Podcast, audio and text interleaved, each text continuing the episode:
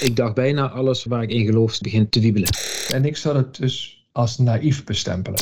Ik voel me toch een klein beetje zo'n uh, zo'n scheidsrechter in zo'n boksring op dit moment. Welkom bij de podcast van Courageous Teaming. Een podcast over kiezen van moed en werken in teams. Het is vrijdagochtend een keer. Normaal doen we dit in de middag. Iedereen is lekker fris. Wat is de belofte van vandaag? Dat wij eens de degens gaan kruisen.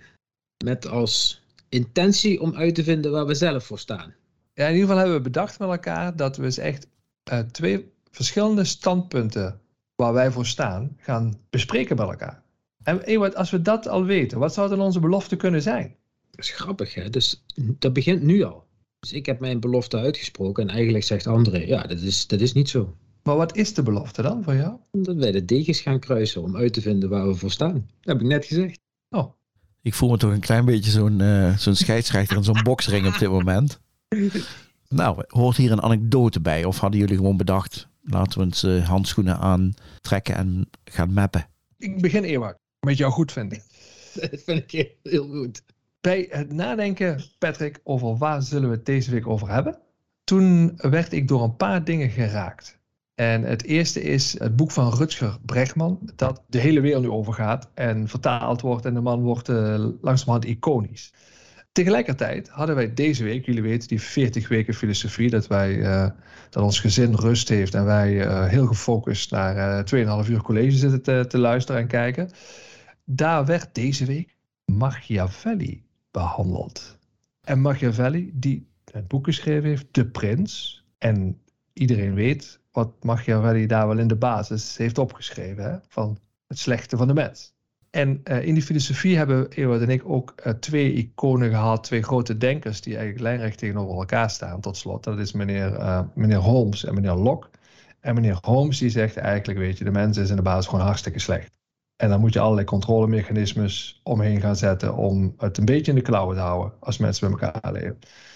En, en meneer Locke die zegt, nee, dat is helemaal niet zo. En de mens is in de kern gewoon hartstikke goed. Dus ook daar in die filosofie zie je die twee stromingen, die zijn al uh, eeuwen oud, zie je ook terugkomen. En dat zette mij aan het denken. Ik dacht, wat vind ik daar nou eigenlijk van? Toen kwamen we erachter, eeuwen en ik, we zeiden, oh, goh, hier kijken we misschien wel heel anders naar allebei. Kijk, dus jij bent een beetje de Rutger Bregman van Courageous Teaming. En hoe denkt Ewout er dan over? Eh, in kleine correctie, ik denk dat het precies andersom is. Oh. Ja, dat Ewout in deze de Rutger Bregman is. En ik ben dan de onooglijke Machiavelli in deze. Mooi. Hey, uh, ik heb me tenen krommend zitten luisteren naar dat college. Ik dacht bijna alles waar ik in geloof begint te wiebelen. En dan vond ik wel mooi, want dan komen er allerlei van die gedachten, gevoelens, die maken zich meestal over je. Oh, ben ik nou inderdaad zo naïef? Is het dan echt naïef om te geloven dat in basis de mens gewoon wel, nou, zoals Rutger Bregman zegt, hè, goed is? Of in ieder geval het goede voor heeft? Is hij dan van nature wel slecht? Dus ik merkte wel dat die vragen bij me opkomen. Eigenlijk mag je wel zegt eigenlijk, en dat hebben we wel vaker gehoord, de mens moet eigenlijk gewoon gereguleerd en gecontroleerd worden, want anders wordt het gewoon één grote losgeslagen teringbende. En ergens dacht ik, zie ik dat ook zo? Of sta ik toch ergens anders voor? En ik kwam tot de conclusie, in basis geloof ik nog steeds, ook na zo'n college, ook als ik dat lees, dat ik denk, ja, de meeste mensen deugen. Dus in basis zijn wij echt wel goede mensen en hebben we het over het algemeen goed voor. Dat zie ik in het groot soms terug op het wereldtoneel. Maar daar heb ik natuurlijk niet zoveel kijk op. Wij zien het vooral in ons werk ook terug. Dat de meeste mensen die ik tegenkom, die werken en die doen hun ding uit goede intenties, uit goede bedoelingen. Maar ik heb ook gezien dat uit die goede bedoelingen soms wel hele nou, onhandige of zelfs gevaarlijke en soms misschien zelfs wel conflicterende of strijdende gedragingen volgen. Die wel tot erg ongewenste effecten kunnen leiden. Nou vraag ik me af, als jullie samen aan de slag gaan met teams, waar dat verschil dan tot uiting komt. Zit daar dan een spanningsveld? Ik denk, Patrick, dat dat niet zo is. Ik denk dat wij helemaal niet zo ver aan elkaar zitten, Eeuwert en ik, als het gaat om wat is nou het meest effectief en waar geloof je in.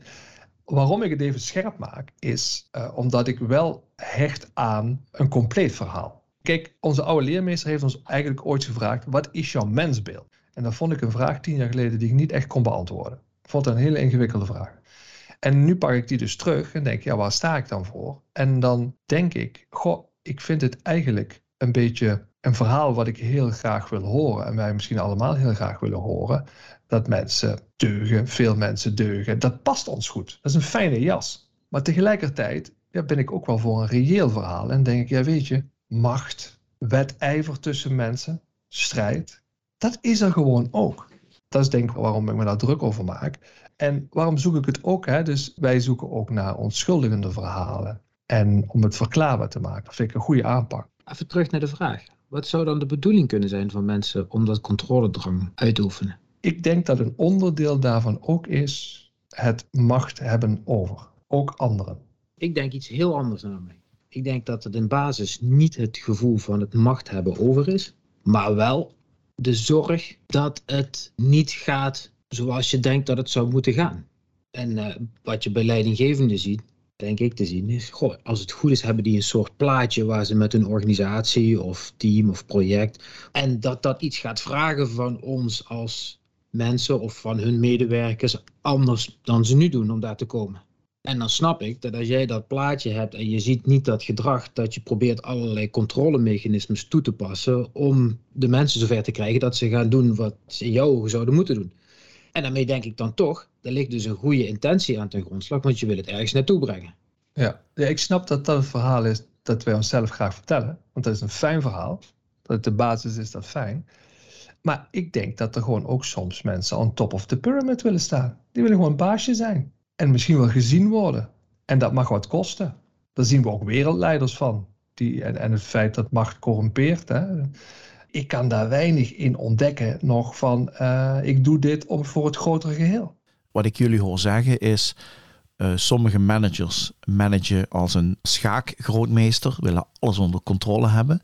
Sommige managers managen als een tuinman, hè, door te voeden en door, uh, nou ja, dat continuum, daar zit iedereen een beetje op. En de vraag is of vanuit de basis iedereen niet goede intenties heeft, dat de meeste mensen gewoon deugen. Kijk, tuurlijk is dat zo. En tegelijkertijd denk ik, goh, het erkennen dat we ook hele destructieve krachten in ons hebben, dat is misschien ook wel een punt. Ik ben super blij met dit gesprek tot nu toe, omdat het mij echt weer helpt om die vraag van onze vriend Frans te beantwoorden. Wat is jouw mensbeeld? Dus ik merk dat ik heel enthousiast word. Patrick heeft net een mooie metafoor gebruikt. Ik blijf geloven dat mensen de dingen doen uit goede intenties. En dat als je ook in een leidinggevende positie zit en je wil je organisatie of je mensen ergens naartoe bewegen, dat dat van je vraagt af en toe als de tuinman te acteren. Dat vind ik zelf een fijne start, uitgangspunt. Maar dat het ook af en toe zal betekenen dat je wel wat meer moet gaan reguleren en controleren, omdat niet iedereen die intentie of die richting waar je heen wil direct gaat zien of door heeft. En aan de andere kant zei anderen net iets, en dat vond ik ook super waardevol, want dat, dat is niet het mensbeeld zoals ik naar kijk, is in die context gaan af en toe belangen conflicteren. En dat is logisch. En juist als je leert daar bewust van te zijn, kun je dus ook een keuze nemen wat nuttig is om te doen. Wat ik nou zie als ik kijk naar nou, bijvoorbeeld hele rijke mensen zoals ehm, Bill Gates. Hij heeft natuurlijk een vermogen bij elkaar gesprokkeld. Gaat daarna wel ja, de filantroop uithangen. Gaat zeggen, ik heb het goed, andere mensen moeten het ook goed hebben. Dat deugt volgens mij wel. Heel veel organisaties die ik ken die de Kiyosei-filosofie aanhouden, is eerst economisch overleven en daarna gaan we teruggeven aan de maatschappij. Nou maak je een mooi punt en ik zou het dus als naïef bestempelen. Als meneer Bill Gates of uh, meneer uh, van Amazon uh, een heel groot vermogen bij elkaar sprokkelt, dan denk ik, joh, en dan ga je daarna de filantroop uithangen. En dan ga je raketten naar, naar allerlei sterren sturen en reisjes naar de maan organiseren. En je weet dat mensen die in, in, in, een bedrijf werken, protesteren tegen arbeidsomstandigheden, et cetera, et cetera. Denk je, ja, dat is toch naïef om dan te denken van, laten we eerst allemaal miljardair worden en dan gaan we het weer herverdelen by the way, bij Gates vind ik het echt wel tof wat hij doet. Hè? Dus hij heeft nou altijd de keuze om het en voor zichzelf te houden. Maar hij geeft het echt massaal weg. Dat hoeft hij niet te doen.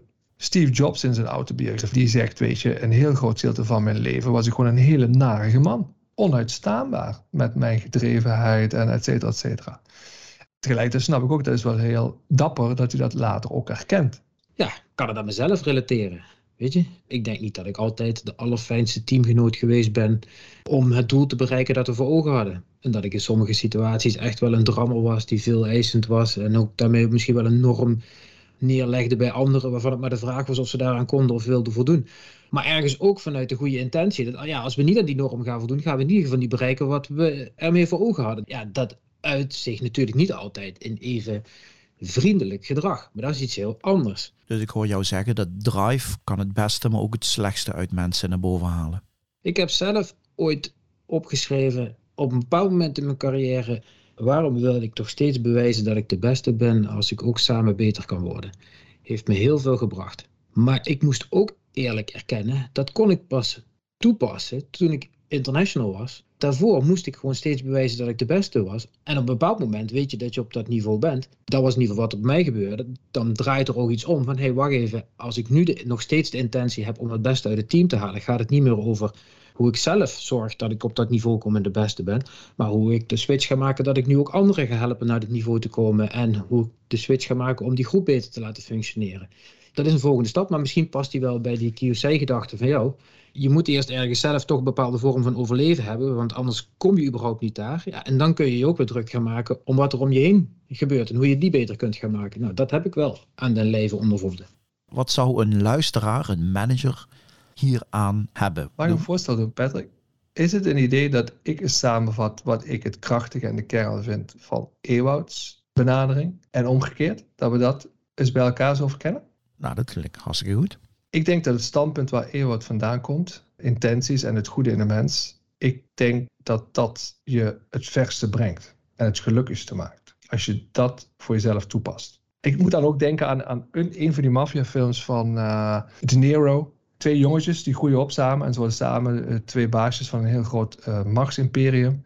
Maar uiteindelijk wordt De Niro verraden door zijn beste vriendje.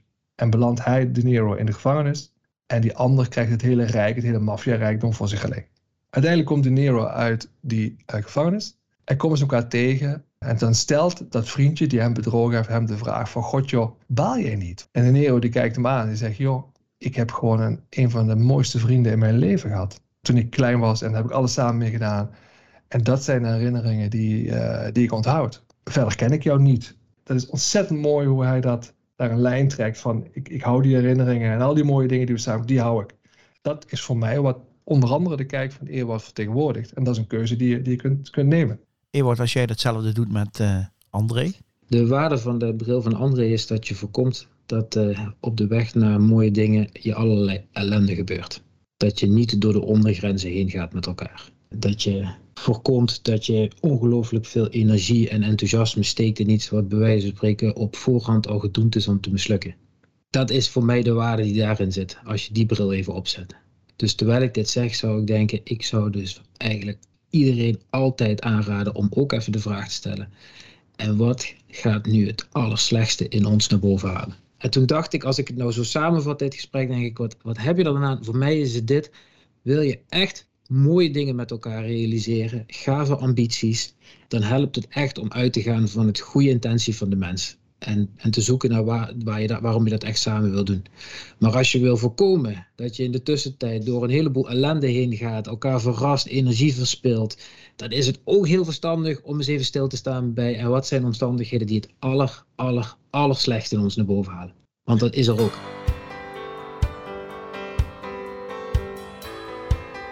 Ga voor meer informatie over Courageous Teaming en het werk van Ewout en André naar www.courageousteaming.com.